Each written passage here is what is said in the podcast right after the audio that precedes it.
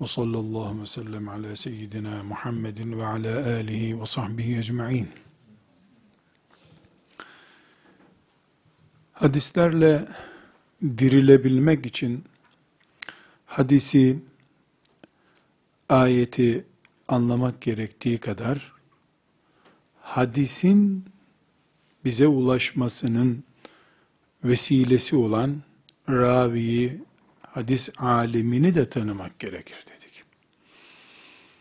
Ve hadisin Peygamber sallallahu aleyhi ve sellemin sözü olarak bir tür peygamber kefaleti olarak öne çıkardığı kavramları ve isimleri de bilmek gerekir.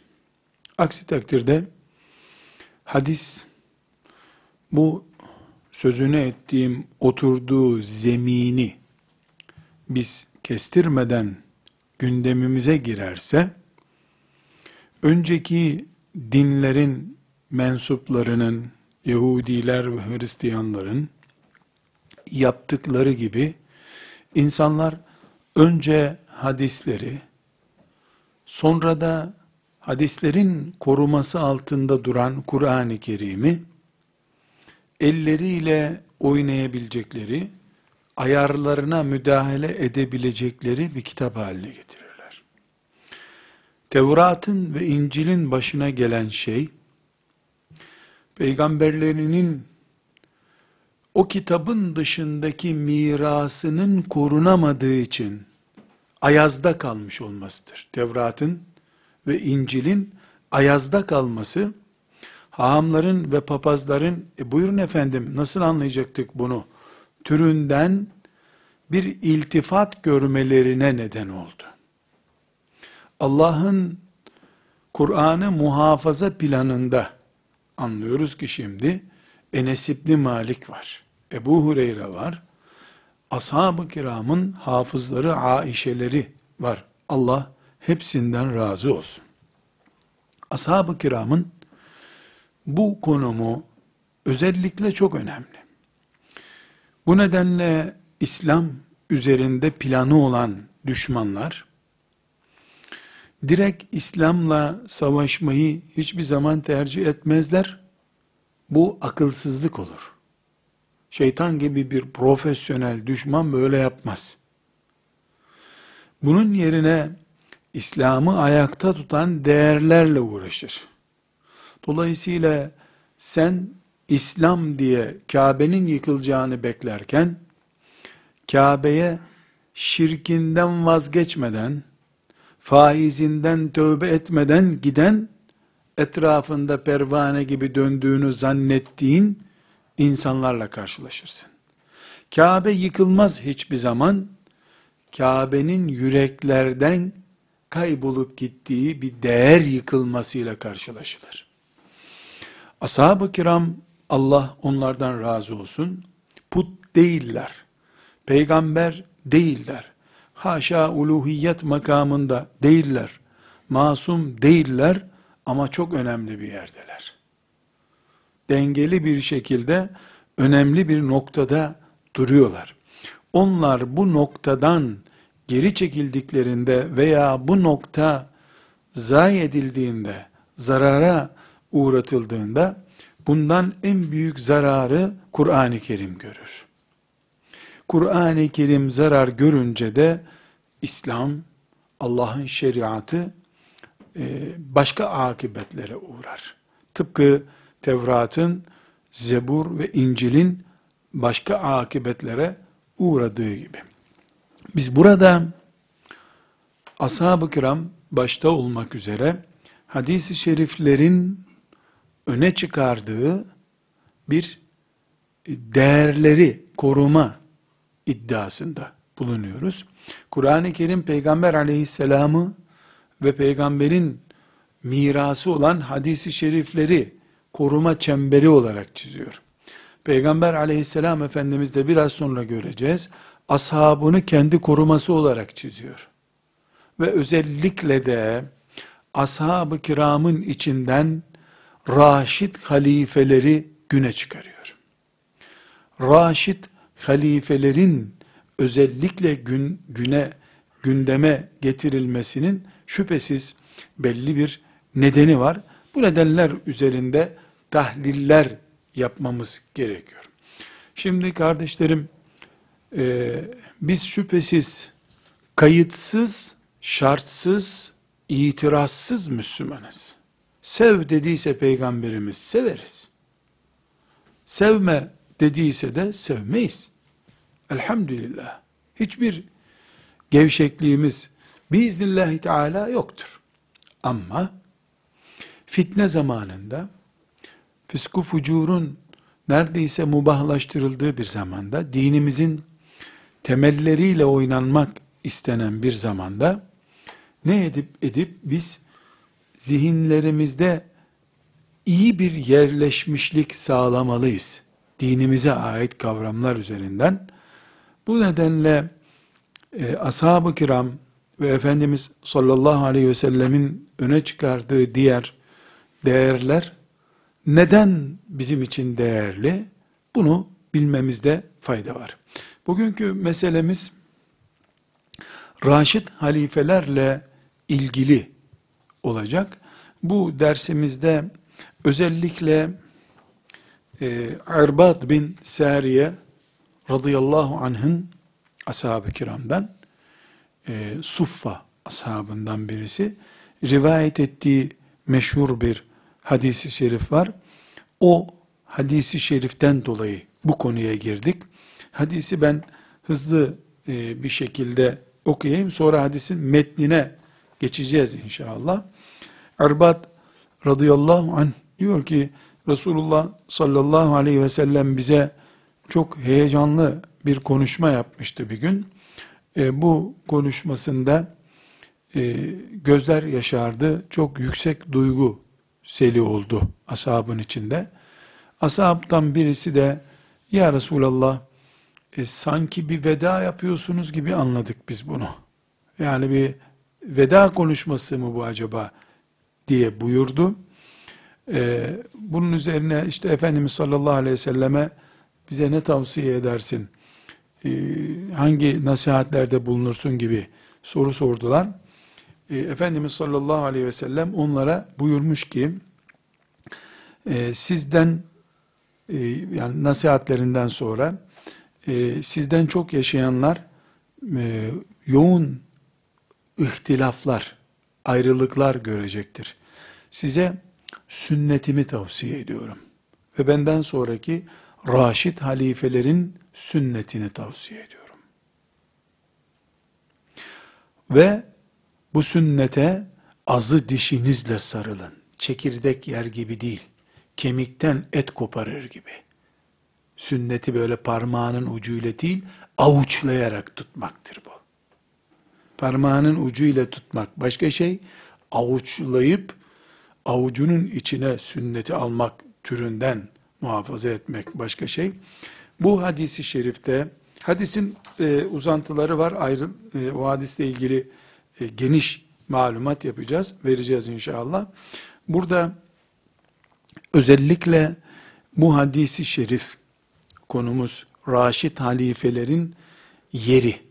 Nerede oturuyor Raşid halifeler? Kimdir bu Raşid halifeler? Tanımadan önce bir yere oturuyor. Bu oturma, bu hadis-i şerif e, Ebu Davud'un, Tirmizi'nin, İbn Mace'nin ve Darimi'nin rivayet ettiği bir hadis Benim kaydettiğim e, lafızlarıyla başka e, aşağı yukarı e, 20'ye yakın hadis kaynağında var ama Ebu Davud'un sahih hadislerinden bir hadis-i şerif. Hadis sahihtir. Bütün rivayetleri tahlil edilip ortaya çıkarılmış hadislerdendir.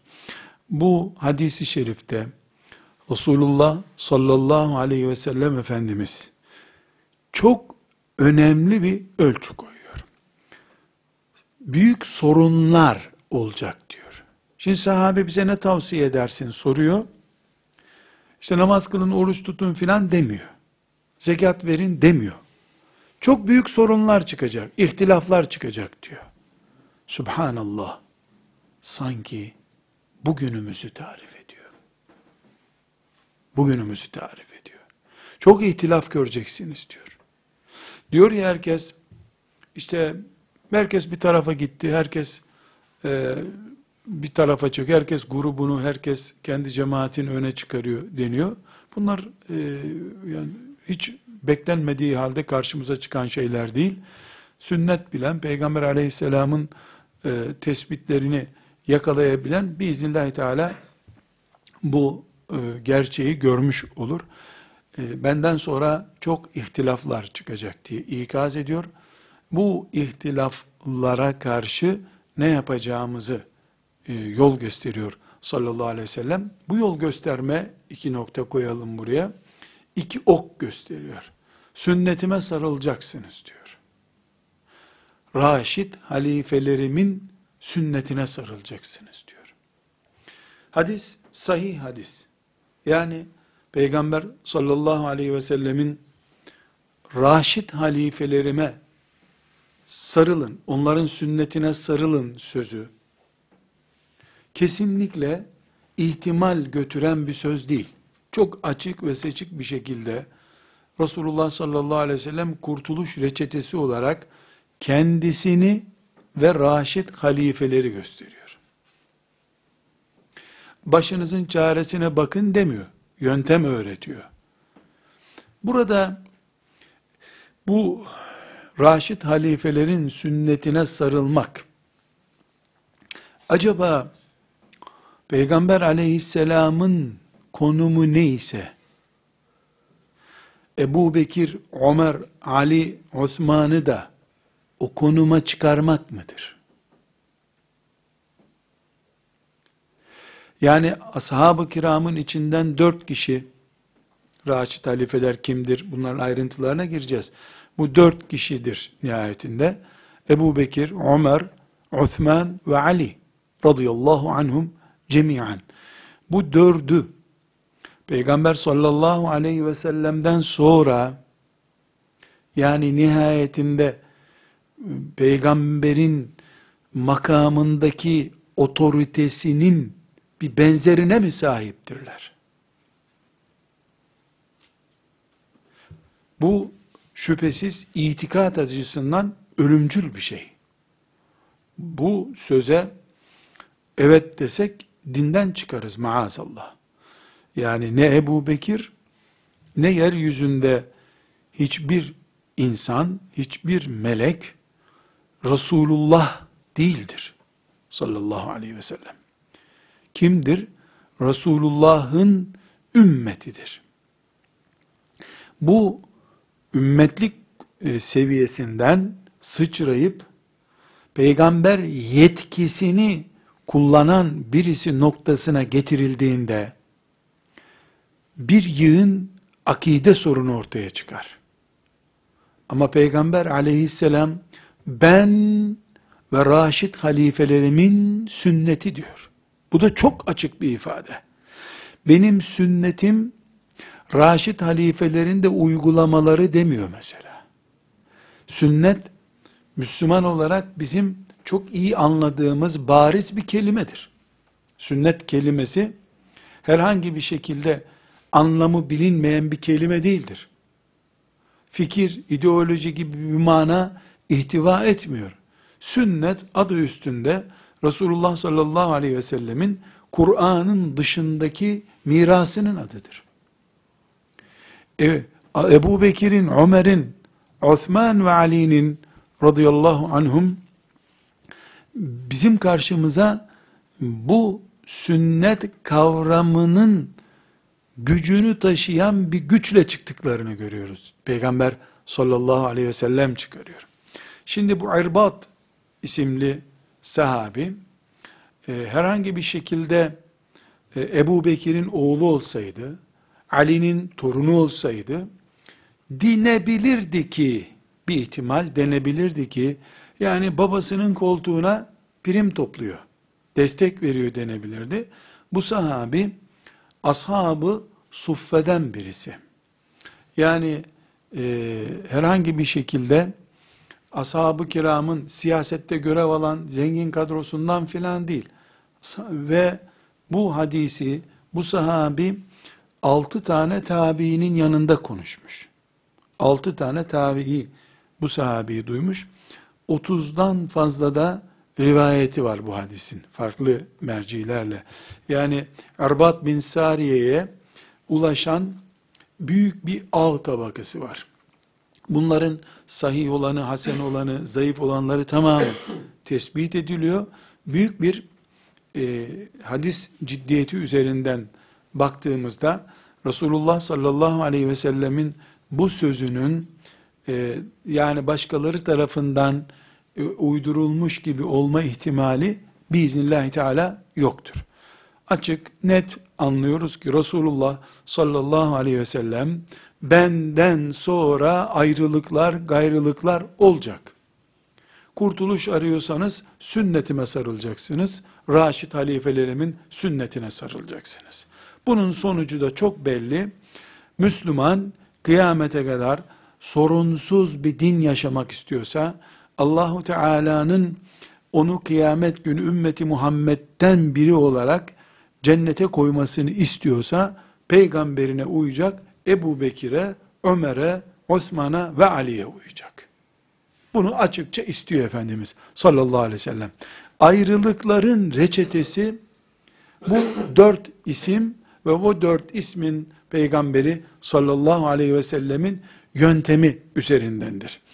Bunu belgeleyen ön önemli sorun da Müslümanlar arasında en büyük ayrılık, şeytanın tutuşturduğu en büyük ateş, bu Raşid halifeler üzerinden tutuşturulmuş ateştir. Bugün İslam alemi, e, la teşbih ve la temsil, Hristiyanlıktaki bölünme gibi bir bölünme vardır denebilirse ki bu Şiilik ve Sünnilik bölünmesi söz konusudur.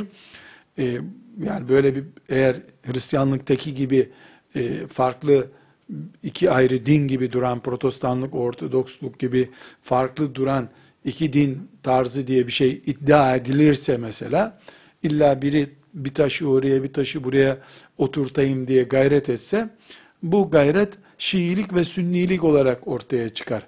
Şiilik ve Sünnilik de işte bu Raşid halifelerin üzerinden ortaya çıkmış bir bölünmedir. Bu da Resulullah sallallahu aleyhi ve sellemin mucizelerinden bir mucizedir. Büyük nübuat dediğimiz sonraya dair verdiği haberlerin ortaya çıkardığı büyük mucizelerinden bir mucizedir. Çünkü şeytan ana cevher üzerinden proje yürütecektir. Peygamber aleyhisselam ayrılıklara karşı Raşid halifeleri yanına alıp bunlarla beraber olun kurtulun diyor. Şeytan ne yapacak o zaman? Bunların içinde bir ayrılık oluşturursa e, projesinde başarılı olacağını anlayacaktır. Anladı da nitekim bir grup Müslümanı e, ashab-ı kiramın içinde Raşid halifelerden birisi olan Ali'nin adamı gibi gösterip Ali'nin üzerinden gerisini reddettirdi. Yani Peygamber aleyhisselam Raşid halife diye bir kavram kullandı kendisinden sonra ama gel gör ki şeytan da tuttu çalışmasına oradan başladı. Çalışmasına oradan başladı. Bu sadece Peygamber sallallahu aleyhi ve sellemin sözünün ne kadar değerli olduğunu tam isabet eden bir hedef gösterdiğini ortaya koymuş olur. Şimdi burada Raşid halifeler özellikle gündeme gelmesi gerekiyor. Bu Raşid halifeler kavramının çıkış noktasına vurgulama yapmamız lazım. Burada isterseniz tuttuğunuz notlara şöyle bir satır başı açın. Çünkü bu giriş bölümünden yani bir, bir kitap gibi kabul ederseniz kitabın ön sözüydü bu anlattıklarım. Şimdi ikinci bir ön söz açmamız gerekiyor. Raşid halife kavramı nasıl çıktı? Kim çıkardı belli ama nasıl çıktı? Nereye oturması gerekiyor Raşid halife kavramı? Bunu tespit edelim. Burada üç başlık açmamız lazım. Birincisi, Kur'an'ımız Ali İmran suresinin 110. ayetinde e, bizim ümmetimizi yani Kur'an'a iman eden, Muhammed sallallahu aleyhi ve sellem peygamberimdir diyen ümmeti, hayra ümmetin uhricet linnas diye tanıtıyor. Bu birinci gerçek. Bunu biliyoruz. Böyle iman ediyoruz elhamdülillah. Eski ümmetler, mesela Orta Doğu'nun filan kasabasına gelmiş bir peygamberin ümmetiydiler. O peygamberin hayatıyla sınırlı, yani coğrafya ve zaman olarak sınırlı bir e, dine iman ediyorlardı. Bu ümmet ise bütün insanlık için çıkarılmış bir ümmettir. Kuzeyinden güneyine, doğusundan batısına kadar dünyada hiçbir şekilde ikinci bir din şansı yoktur insanlığın. ikinci bir kurtuluş reçetesi çıkarması da mümkün değildir. Kuntum hayra ümmetin uhricet linnas ayeti bunun belgesidir. İki, bu birincisi. İki, bu ümmet ebedidir. Ne demek ebedidir? Yani Musa'dan sonra Harun, Harun'dan sonra Yuşa, Yuşa'dan sonra filan peygamberin geleceğini herkes biliyordu. Çünkü peygamberler ölürken zaten siz dininize devam edin Allah size bir peygamber gönderecek diyorlardı. Ama Efendimiz sallallahu aleyhi ve sellem katemen nebiyyin bütün peygamberlerin sonuncusu olarak geldi. Kur'an-ı Kerim onu hatemen nebiyyin olarak tanıtıyor. Peygamberlerin sonuncusu. Peygamberlerin sonuncusu neden? Çünkü onun nübüvveti, peygamberliği ila yevmil kıyamedir. Kıyamet sabahına kadar peygamber olarak kalacaktır. Hiçbir şekilde ikinci bir insan nübüvvet iddia edemeyecektir. İddia etse de kıymeti olmayacaktır. Din bütün insanlık için çıkarılmış. Siyah beyaz bütün insanlığa hitap ediyor. Din ebedi, İsrafil'in suruna kadar devam edecek bir din. O zaman bu din nasıl yürüyecek? 23 yıl bizzat kendisi peygamber olarak kaldı sallallahu aleyhi ve sellem Efendimiz. 23 yıl. 23 yıl Kur'an'ın gelmesi için yeterliydi. Kur'an-ı Kerim geldi. 23 yıl Kur'an-ı Kerim yerleşti. Kur'an-ı Kerim'in e, ayrıntılarına giren, Kur'an-ı Kerim'i çemberleyen hadisi şerifler de kondu.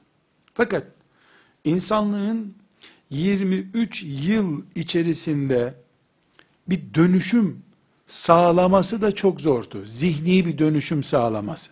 Nitekim Resulullah sallallahu aleyhi ve sellemin döneminde iman edip Müslüman oldukları halde sahabi olmak şerefiyle taçlandıkları halde bir grup insanlar bu 23 yıllık dönüşüm sürecinin yeterli olmamasından dolayı ne yazık ki o nimeti teptiler.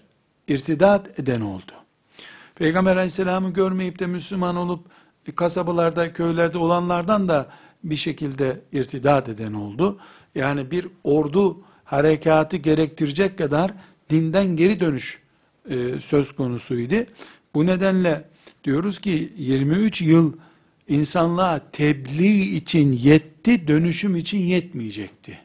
Nesil nesil dönüşümü sağlanması, zihinlerdeki bir dönüşüm sağlanması e, için 23 yıl etmedi. Bu sebeple Resulullah sallallahu aleyhi ve sellem bu dönüşümün tamamlanma sürecini ashabının yaşadığı bir ortamda ashabının içerisinden yetişmiş onun mührüyle mühür vuracak kapasitede insanların bulunmasını istedi. Allah murad etti.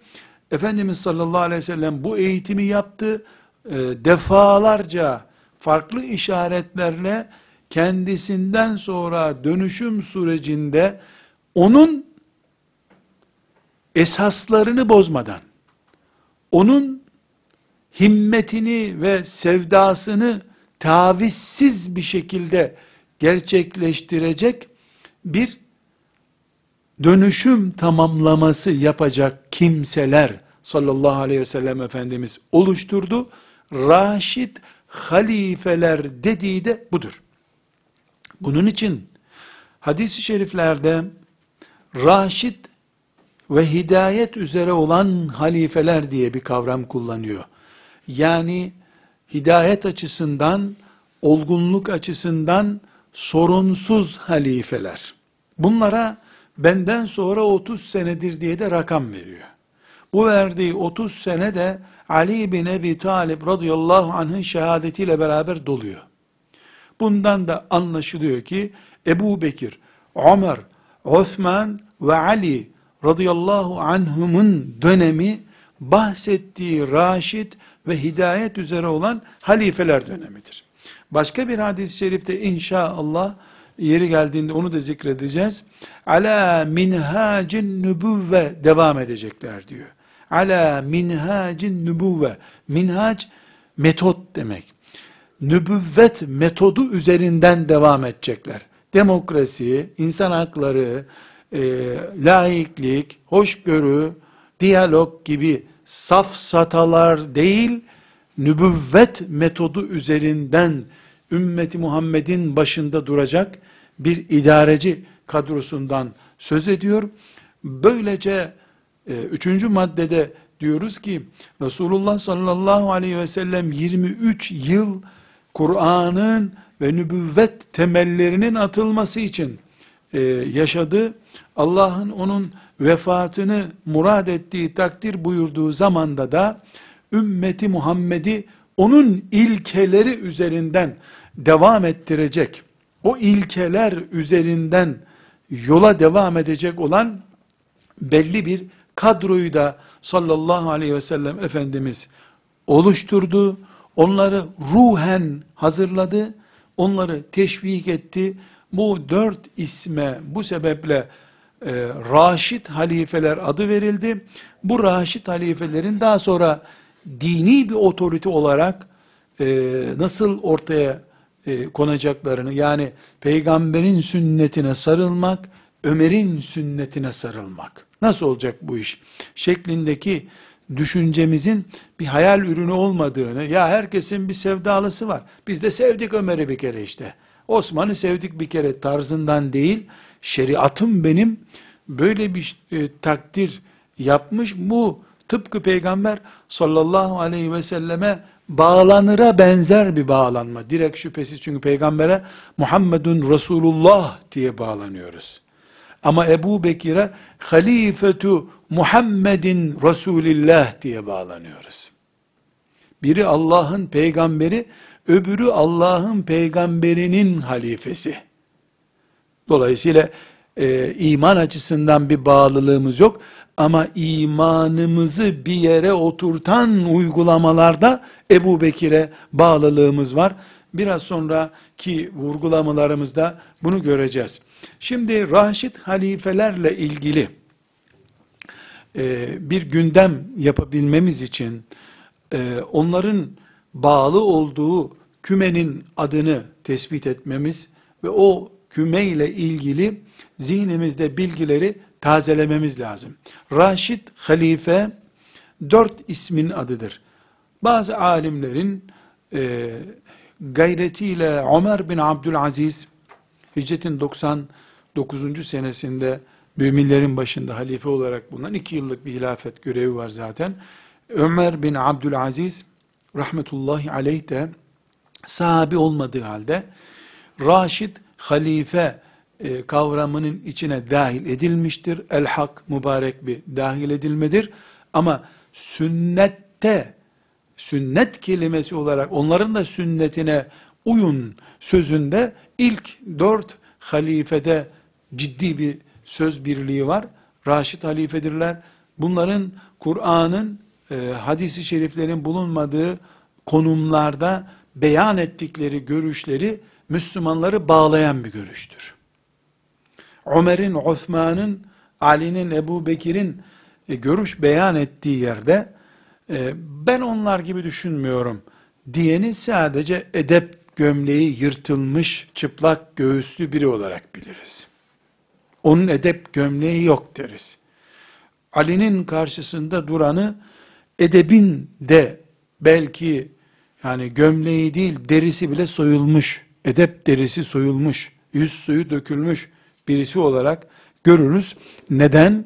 Çünkü Resulullah sallallahu aleyhi ve sellem ümmetinin stresli günlerinde kendisini ve raşit halifelerini e, ümmetine kurtarıcılar olarak göstermiştir. Gerek oluşum ve gerekse dönüşüm sürecinde sallallahu aleyhi ve sellem Efendimiz bu isimleri öne çıkardı. Herhangi bir seçim hakkımız bizim marketten malzemeyi beğenmeyip iade eder gibi Peygamber aleyhisselama Ebu Bekir'in iade edemeyiz. Beğenmeyenin gideceği yer Ebu Bekir'in olmadığı bir dindir. Ömer'in olmadığı bir dindir. Radıyallahu anhuma. Bu e, girişi iyi anlayabilmek için yeni bir başlık açmamız lazım. Ashab bilgilerini tazelememiz lazım. Ashab hakkında çok şey biliyoruz. Burada da farklı farklı şeyler zikrettik ama Raşid halifeler ashabın içinden bir kadrodur. O kadroyu tanıyabilmek için ashab-ı kiramı bir kere daha Raşid halifelere giden sokaklardan izleyerek takip etmemiz gerekiyor. Ashab-ı kiramın kaç kişi olduğuna dair kesin bir bilgimiz yoktur. İmam Müslim'in hocası Ebu Zur'a rahmetullahi aleyh e, Ebu Zur'a Er-Razi e, isimli zat İmam Müslim'in sahih Müslim'in sahibi İmam Müslim'in hocasıdır. O zatın yani İmam Müslim'in e, hocası olmak demek 150'lerde yaşamak demek. 150. Hicri yıl demek ashab-ı kiramın vefatından 40 sene sonra yaşamak demek. 40 yıl sonraki istatistik bilgisi bir insanın kesin değilse de e, olaya ve kişiye çok yakın bir bilgidir. Dolayısıyla e, Ebu Zura rahmetullahi aleyhin bu tahmini esasen de zaten bir rivayet silsilesine dayanıyor. Yani onun da duyumlarına dayanıyor, tecrübelerine dayanıyor. E, mantiki de bazı izahları var. Ebu Zur'an'ın tespitine göre, Müslim'in hocası olan Ebu Zur'an'ın tespitine göre sahabi sayısı 114 bin kişidir. Bu rakamı 124 bin olarak da tahmin eden olmuştur. Ama 114 bine e, yakın bir tahmin olarak bakmakta fayda. 114 binle 124 bin arasında yuvarlak bir yuvarlama rakam olsun diye 120 bin sahabi şeklinde hep telaffuz ederiz. Ama başta söyledim, ashab-ı kiramın kat'i bir şekilde sayısının e, kaç olduğunu bilmiyoruz. Bir nüfus sayımı ortada yok zaten. Ama ileri geri tahminler yapıyoruz. Mesela bu tahminlerden bir tanesi Tebuk gazvesidir. E, Tebuk gazvesi hakkında istatistik bilgiler var. Bizzat sahabilerin verdiği bilgiler var. 30 bin e, süvari, 10 binde atlı olmak üzere 40 bin kişi olduklarına dair bilgi var. Tebuk gazvesine katılanlar. Tebuk gazvesi hicretin 9. senesinin e, Recep e, yani inşallah yanılmıyorum Recep ayında olması lazım. 9. senenin Recep ayında. Bu Resulullah sallallahu aleyhi ve sellemin vefatına bir seneden az bir zaman kala demektir. E, bu hemen hemen İslam'ın evet ondan sonra da efvaca diye Kur'an-ı Kerim'in kitle kitle dediği katılımlar oldu. Ama her halükarda Tebuk gazvesine 40 bin kişi katılmış. Bu 40 bin kişiye kadınlar dahil değil. Çünkü 40 bin mücahit katıldı. Kadınlar dahil değil. Sahabi olan çocuklar dahil değil. Çocuk sahabiler dahil değil. 40 binin 40 binde hanımı olduğunu kabul et 80 bin yapar. Şimdiki gibi planlanmamış bir nüfusları olduğu için herhalde bir buçuk çocukları da yoktu. Üç, dört, beş çocukları olduğunu düşünsen, e bir de köylü, yaşlı, o yani Medine-i Münevvere'de yaşamayan, mesela Mekkeliler Tebuk gazvesine katılmadılar. Taifliler Tebuk gazvesine yetişemeyecekleri için katılmadılar. Taif de Müslüman olmuştu. Mekke de Müslümandı. Yani Müslüman e, olduğu halde, cihada katılabileceği halde katılamayan da binlerce insan var. Yani ihtimal bu 114 bin rakamı bile az. Bu 114 bin rakam. Çünkü çoğunun birden fazla hanımı var bir defa. Yani o 40 bin kişinin hadi diyelim birkaç bin tanesi bekar e, hasta oldukları için, sakat oldukları için evlenemediler diyelim.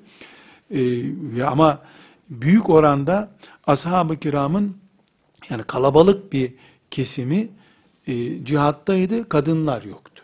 İhtiyarlar yoktu, çocuklar yoktu Tebuk gazvesinde. E, köylüler yani Medine'nin çok uzak banliyölarında yaşadıkları halde, e, Müslüman oldukları halde haber edilemeyeceği için, onlara tecizat verilemeyeceği için katılamayanlar oldu. Çok e, yani 114 bin rakamı çok rahat doluyor. E, en az 114 bin sahabi vardı veda haccı dinlenirken. Cabir bin Abdullah radıyallahu anhuma ashab-ı kiramın haccı tarif eden e, ashab-ı kiramda hac bilgisini bize ulaştıran e, çok değerli bir sahabidir. Çok uzun da yaşamış bir sahabi. Haccını e, tarif ederken Efendimiz sallallahu aleyhi ve sellemin şöyle bir bakıyordum diyor. Uç bucak görünmüyordu kafilede. Sağa dönüyordum, ucu bucağı görünmüyordu diyor. Sola dönüyordum, ucu bucağı görünmüyordu diyor. Şimdi bir sahabi ucu bucağı görünmüyor derken bir vadide, Arafat Vadisi'nde e, herhalde 3000 kişi toplandı da o kalabalığı tarif ederken ucu bucağı görünmedi diyecek hali yok. Yani gözünün görebildiği sağa sola arkaya bakıyorum ucu bucağı görünmüyordu kalabalığın diyor radıyallahu anhuma Cabir bin Abdullah. Her halükarda sahabi sayısı hakkında net bilgimiz yok ama ashab-ı kiram ortalama 120 bin civarındaydı. 100 binden az olması mümkün değil. Tebuk gazvesi ortada. 200 bin olması da çok zor. O günkü hesaplamalarımıza bakıldığımızda çocukları bile katılsa, köleleri möleleri katılsa 200 bin olması da çok zor. 5 kişi de olsalar, 1 milyon kişi de olsalar bizi ilgilendirmiyor. Bizim ashab-ı kirama bağımız e, bil, ilgilendiriyor. Burada kardeşlerim çok önemli e, bir noktaya temas ediyorum. Raşid halifelere bir türlü gidemiyorum. Çünkü Raşid halifelerin ailesini tanımamız lazım. Ki yani Raşid halifelere giderken nereden çıktık gittik bilmemiz lazım. Yani bunu bir elma bahçesinde mi bulduk bunları? Peygamber aleyhisselamın sohbetinde mi bulduk? Bunu tespit etmedikten sonra e, yani biz e, kafadan bir şey konuşuruz. Burada birinci tespit etmemiz gereken Raşid halifeler yok ortada henüz. Ashabı konuşuyoruz. Kitle olarak ashab-ı kiramı sevmek bizim için imani bir görevdir. Bir fantazi değildir. Ashab-ı kiramla ilgili duygularımızı Allah belirlemiştir. Peygamberi belirlemiştir. Aleyhissalatu vesselam. Binaen aleyh bir Müslümanın ashab-ı kiramla ilgili ileri geri zikzakları imanındaki zikzaklardan kaynaklanır. Burada e, Bukhari'den ve Müslim'den bir hadisi şerif zikredeceğim. El-Bara İbni Azib radıyallahu anh'ın dikkat, dikkatimizde olması gereken bir hadis. Bukhari'de 3783 numaralı hadistir. Müslim'de de 75 numaralı hadisi şeriftir. Efendimiz sallallahu aleyhi ve sellem e, ashab-ı kiramdan sadece ensardan söz ediyor burada. Ensardan söz ediyor. Kaldı ki e, muhacirler içlerinde Efendimiz bulunduğu için ensardan değerlidirler. Efendimiz de muhacirdir çünkü. Ebu Bekir de muhacirdir. Bu ayrıntıyı daha sonra göreceğiz. E, bu Bera radıyallahu anh diyor ki, Resulullah sallallahu aleyhi ve sellemi şöyle buyururken işittim ben diyor. Ensarı ancak mümin olan sever. Münafıktan başkası da ensara nefret etmez. Onları seveni Allah sevecek. Onlara nefret duyanı da Allah gazap edecektir. Demiş sallallahu aleyhi ve sellem Efendimiz Bukhari'nin ve Müslim'in rivayet ettiği bu hadis-i şerifte. Ensar ashab-ı kiramın ikinci bölümünün adıdır. Birinci bölümüne muhacir diyoruz. Resulullah sallallahu aleyhi ve sellem muhacirindendir. Raşid halifeler muhacirindendir. Onlarla ilgili zaten onlarca hadis-i şerif var. E, onlara gelmeyeceğiz. Dedi. Onlara gelince bu ayrıntıyı daha iyi göreceğiz. Ali radıyallahu anh'ın, Ali bin Ebi Talib radıyallahu anh'ın Müslim'de e, rivayet edilen 78. hadis-i şerifte Müslim'de onun e, Zir isimli tabii diyor ki Ali radıyallahu anh'ı şöyle söylerken işittim diyor.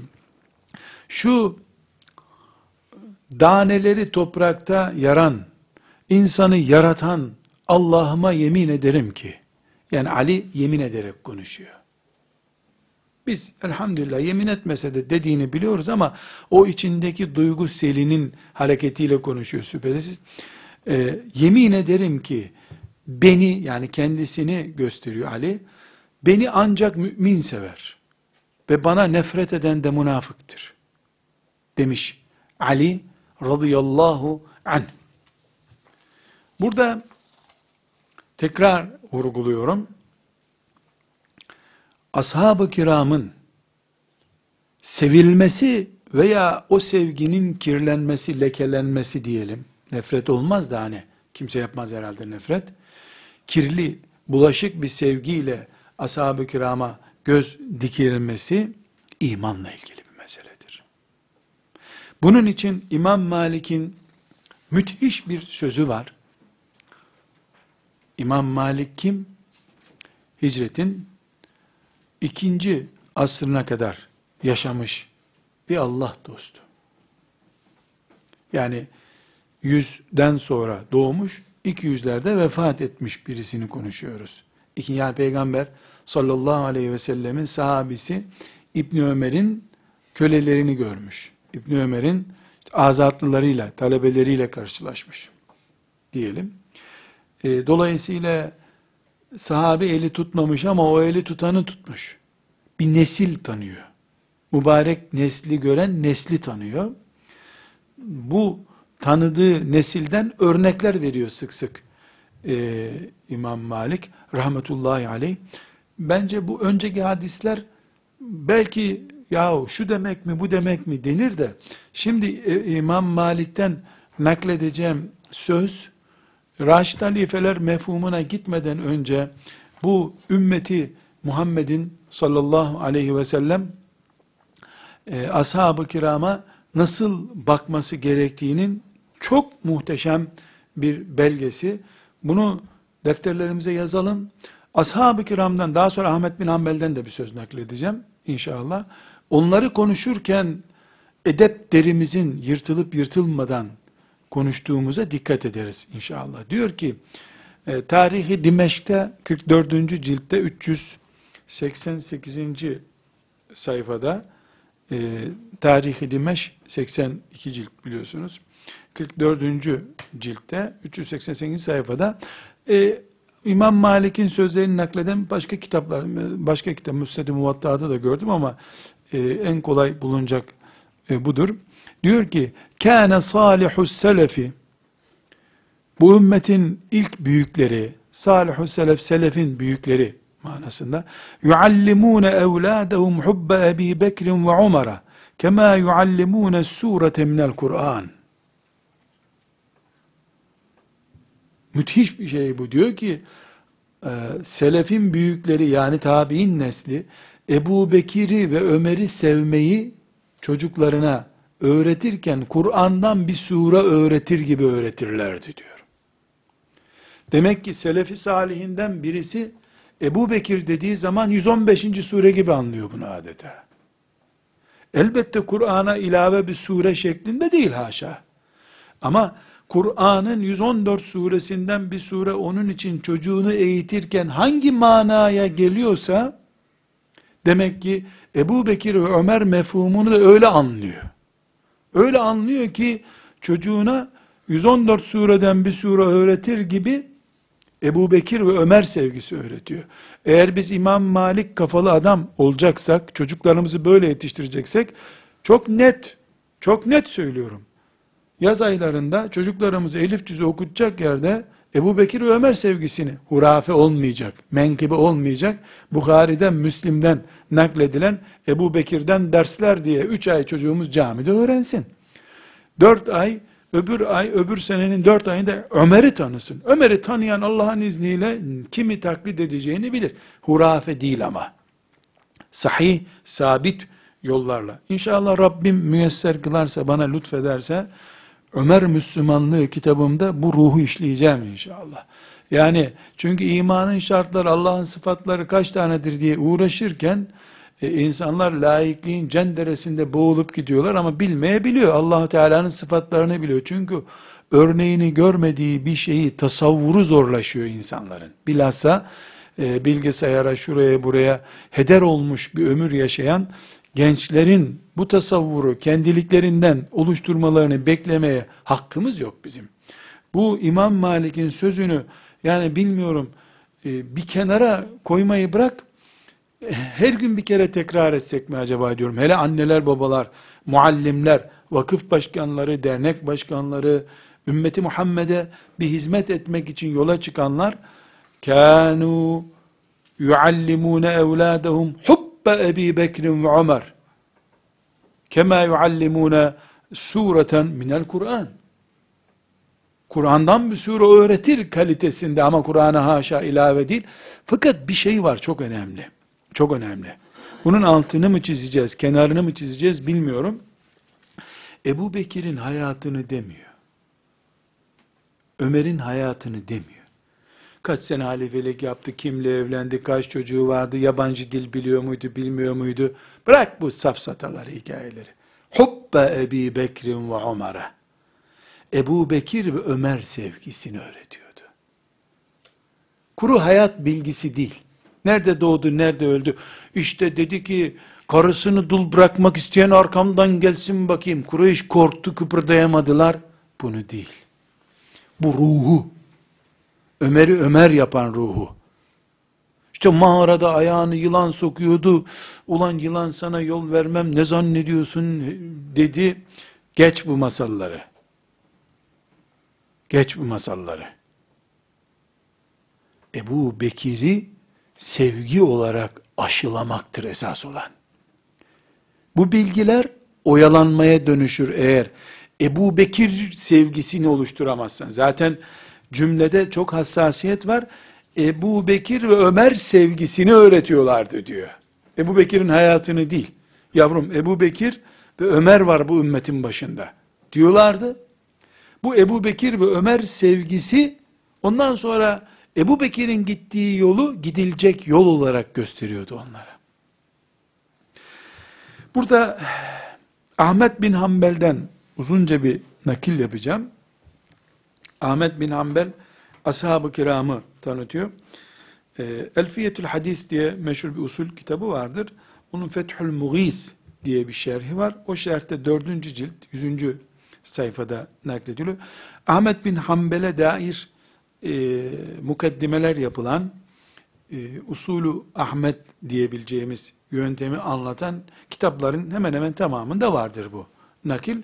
E, bizzat Ahmet bin Hanbel'in hadis kitabı gibi kendi hatıratını yazdığı bir kitap olmadığı için yani Ahmet bin Hanbel'in kendi eliyle değil talebelerinin lisanından bunları duyuyoruz.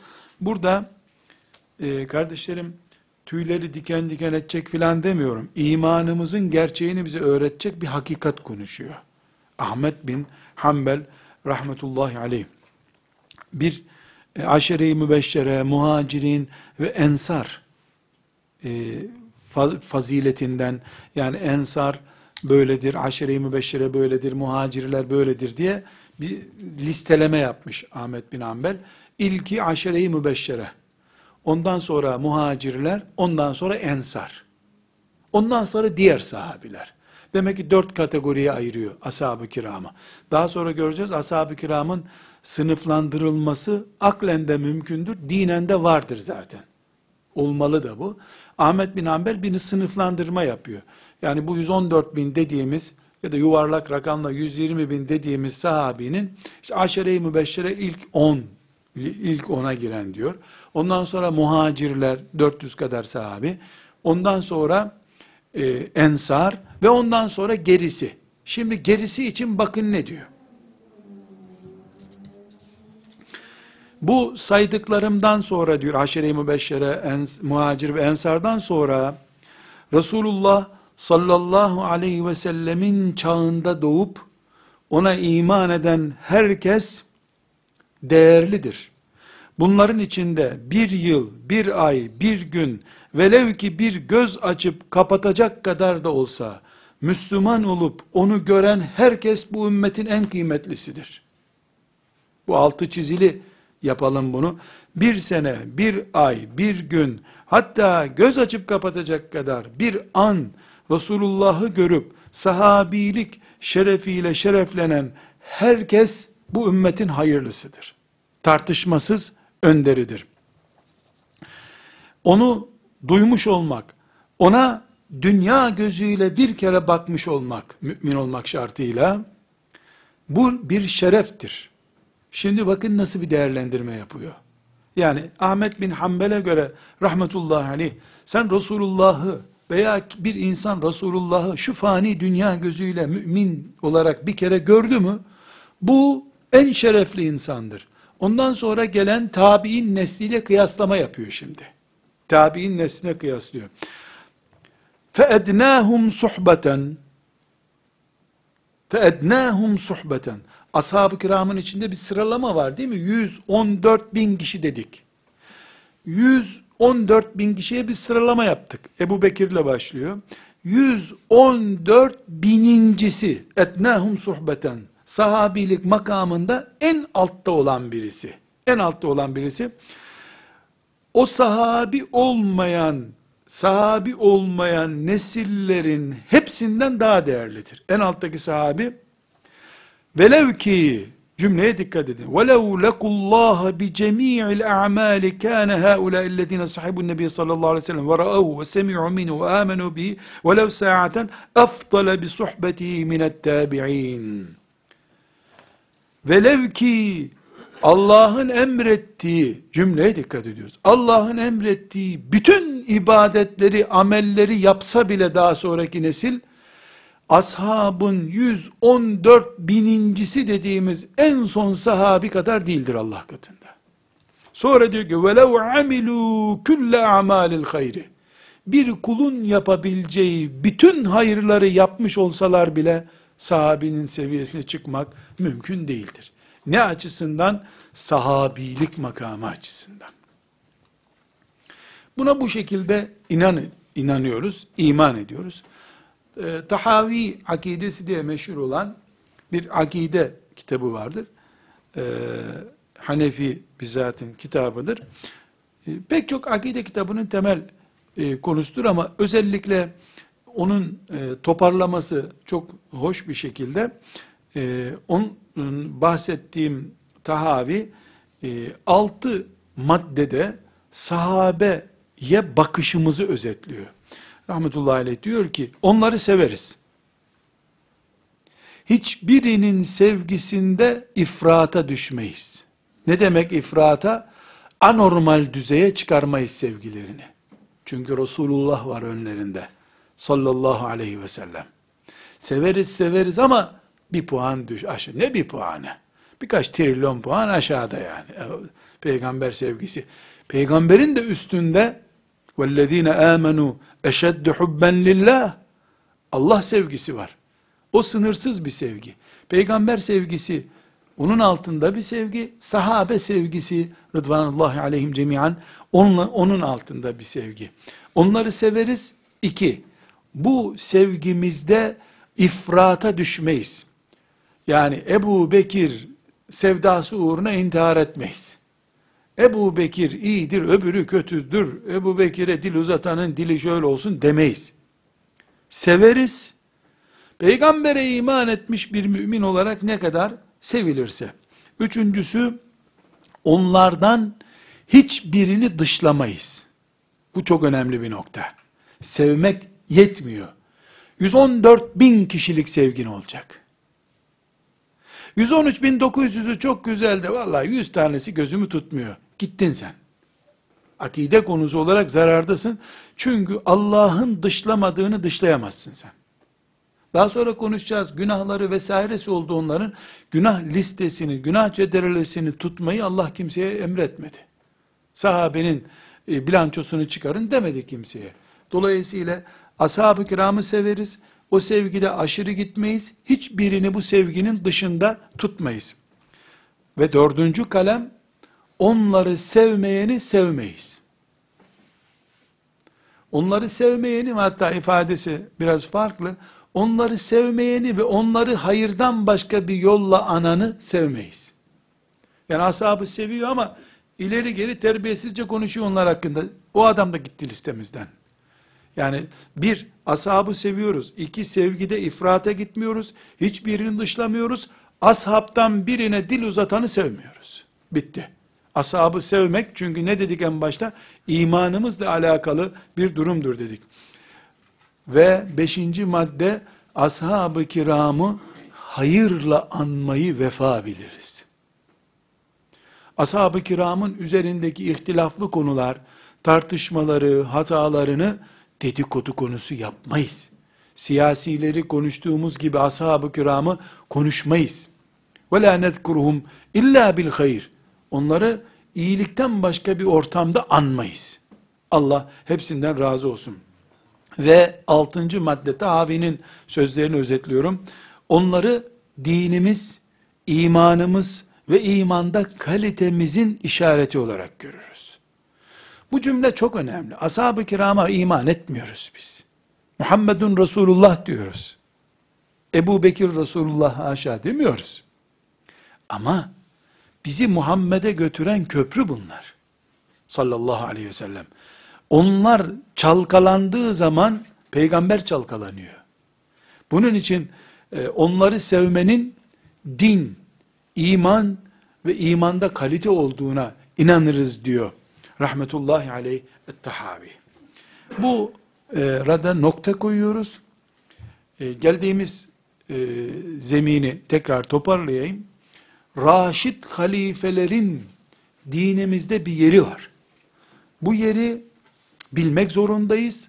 Raşid halifeler mefhumunu anlamazsak, belki bin civarında hadisi defterlerden silmek lazım. Namazından, orucundan, haccına kadar, siyasete kadar pek çok meselede e, Raşid halifelerin imzası var. Evvela Raşid halifeler İslam devletinin siyasetinin oturmuş garantileridirler.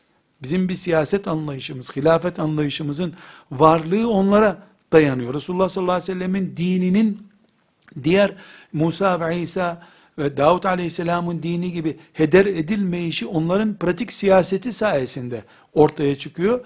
Raşid halifeler bizim için çok önemli. O zaman Raşid halifeleri öğrenelim dedik.